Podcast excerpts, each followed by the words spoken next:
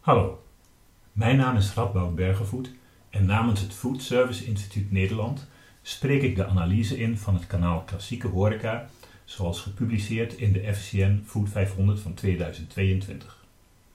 De titel is Klassieke Horeca, een derde van de omzet verdampt. De bedrijven in klassieke horeca behoren tot de slechtst presterende in deze FCN Food 500 met een gemiddelde omzetdaling van 35,8% in 2021. Voor 2022 zijn veel bedrijven opmerkelijk positief, met verwachte omzetstijgingen tot 200%. Voor klassieke horeca bracht 2021 niet het herstel waar veel ondernemers in de herfst van 2020 op hoopten. Het eerste kwartaal van 2021 ging de boeken in als het slechtste kwartaal van de hele coronapandemie. Vanaf mei noteerden veel bedrijven recordomzetten, maar de nieuwe lockdown vanaf november was voor veel ondernemers een enorme tegenvaller. Zo werd 2021 uiteindelijk een dramatisch jaar voor de horeca. De 140 horecabedrijven in de FCN Food 500 realiseerden vorig jaar samen een omzet van 1,8 miljard. Dat is maar liefst een miljard minder dan in de vorige FCN Food 500 van 2019, met daarin de omzetcijfers uit 2018. De hoos houdt aan, kopten we drie jaar geleden nog met chocoladeletters. En we voegden eraan toe dat het einde van die hoos nog niet in zicht was. Little did we know. Op een enkele uitzondering na, daarover straks meer, wist geen enkel horecabedrijf aan het coronadrama te ontsnappen. Zo kregen de cafébedrijven in onze lijst een gemiddelde daling van 39% voor de kiezen ten opzichte van 2018, net als Leisure overigens. Hotels noteerden een min van 36%. En de restaurants in ons overzicht deden het relatief goed, met een min van 26%. Het beeld wordt nog somberder als we de rekenmachine erbij pakken en kijken naar de gemiddelde omzet per vestiging. De kleine 2000 horecavestigingen in deze lijst realiseerden een gemiddelde omzet van 958.000, ruim 41% minder dan in 2018. Vooral cafés waren de dupe van de gedwongen sluitingen vanwege corona, min 55% Hotels en leisure locaties scoorden een min van respectievelijk 41 en 42% Opvallend is dat op vestigingsniveau restaurants het bijna net zo slecht deden met een min van bijna 40% Een verklaring is dat het aantal restaurantoutlets in de FCN Food 500 groeide van 590 in 2019 naar 724 nu waardoor de toch al dunne spoeling nog wateriger werd voor iedereen. Al jaren stijgt het aanbod van restaurants harder dan de vraag en de effecten zijn zichtbaar.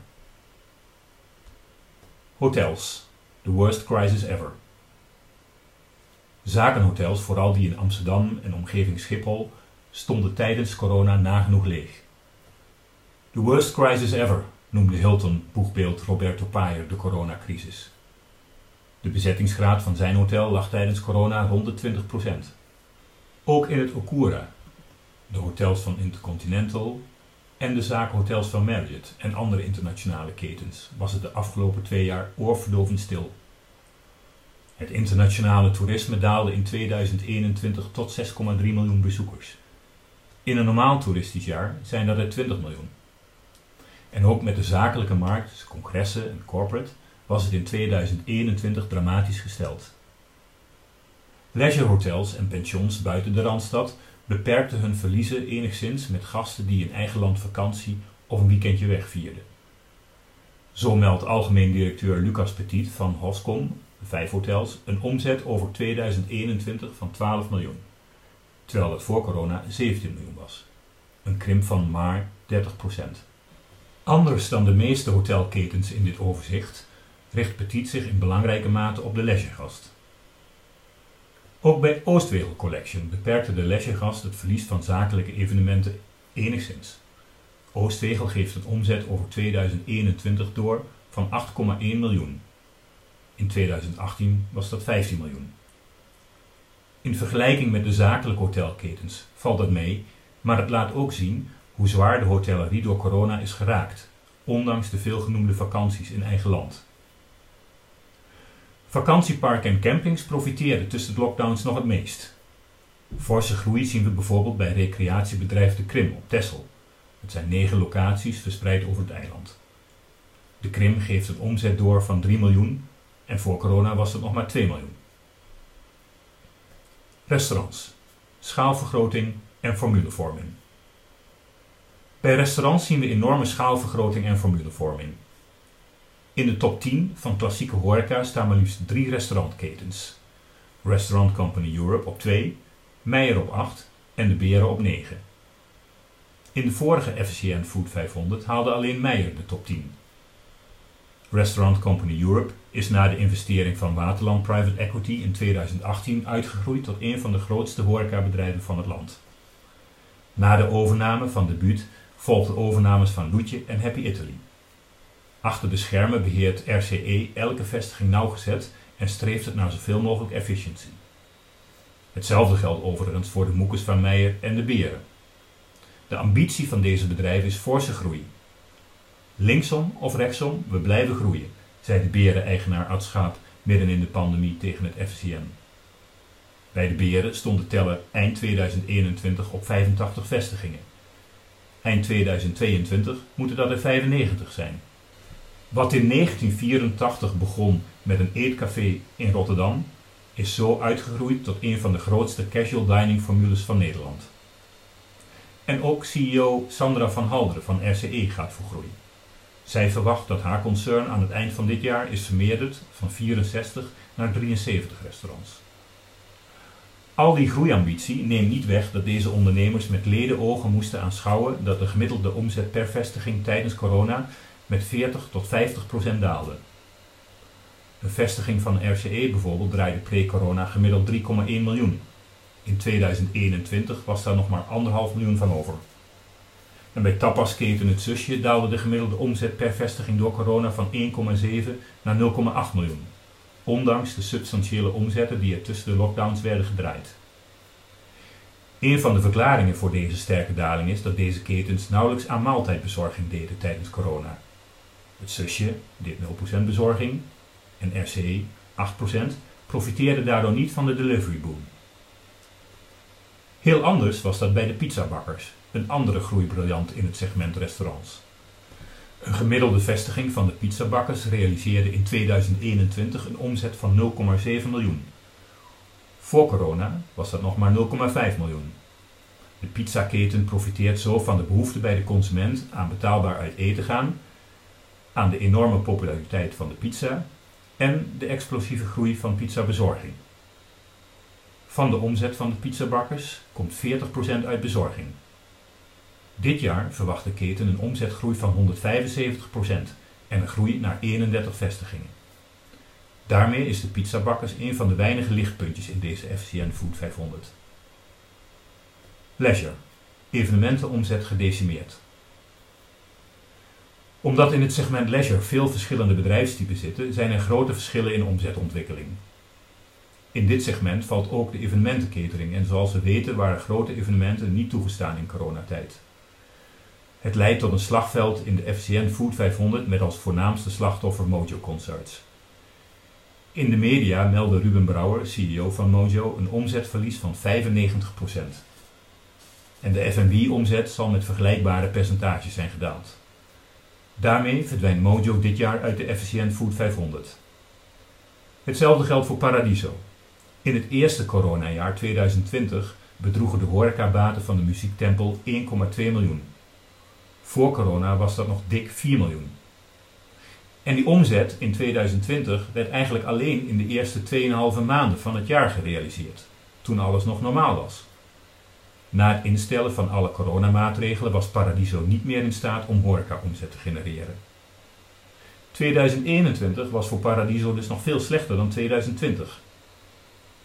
Hetzelfde lot kenden andere muziekpodia uit de FCN Food 500, zoals Melkweg, Tivoli en het Concertgebouw. Een soortgelijk drama speelde zich af bij de voetbaltempels van AZ, Vitesse en al die andere BVO's met een normaliter lucratieve horecapoot. Geen wedstrijden met publiek, geen evenementen, exit FCN Food 500. Bij attractieparken en dierentuinen was de schade minder groot, door de grote toestroom tussen de lockdowns. De Efteling, het grootste attractiepark van Nederland, meldt over 2021 een F&B-omzet van 39,5 miljoen, een daling van 36% Ondanks alle beperkende maatregelen beleefde de Efteling in 2021 wel een mooi hoogseizoen. In het pittige coronajaar maakte het park zelfs winst, mede door de hogere F&B-besteding per bezoeker. Algemeen directeur Fons Jurgens ziet de toekomst dan ook positief tegemoet.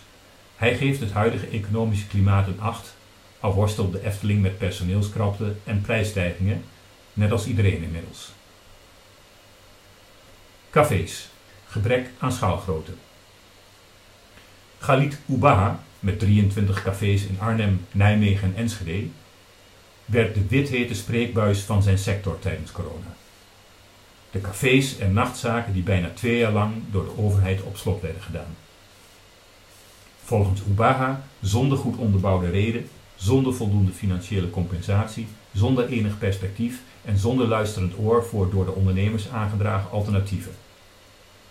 Door deze gedwongen sluiting werden cafés, bars, nachtclubs en disco's een voornaam slachtoffer van de coronacrisis. Zo genereerden de zaken van Ubaha in 2021 nog maar een omzet van 10,6 miljoen, de helft van pre-corona. Dat veel van zijn zaken een flink terras hebben, zorgde nog voor een klein beetje geld in de la. Ubaha is een van de enige echte caféketens in de FCN Food 500, samen met de horecagroepen van Rebel en Brothers.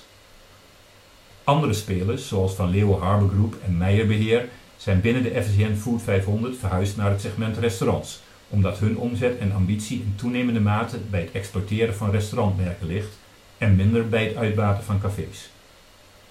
Daarmee neemt de rol van de natte sector in de FCN Food 500 zienderogen af. Dat is in lijn met de landelijke trend. In het tweede kwartaal van 2022 telt Nederland volgens het CBS nog 8.500 cafés. Een jaar geleden waren dat er nog een kleine 9000 en tien jaar geleden nog 10.700. Anders dan bij restaurants is formulevorming in de natte sector nooit echt van de grond gekomen. In het verleden hebben brouwers het wel geprobeerd, maar dat is nooit echt gelukt. Loka van Amstel had door het hele land uitgerold moeten worden, maar rond 2012 werd daar de stekker uitgetrokken. Grols deed dat eerder al met de beugel en de vierjaargetijden en het toenmalige Interbrew wilde een reeks van Hoegaarden-cafés openen. Het bleef bij één zaak in Tilburg. De kracht van een goed café is vrijwel altijd afkomstig van de uitbater die erachter zit en die bij voorkeur zelf ook achter de bar staat. En dat is nu eenmaal moeilijk te reproduceren. Positieve uitzonderingen zijn Olivier en Stan Co van RCE, al houdt de snelheid van de uitrol van die twee formules niet over. Het grote gebrek aan schaalgrootte maakt de sector in deze tijd van enorme personeelskrapte en oplopende prijzen nog kwetsbaarder dan die al was.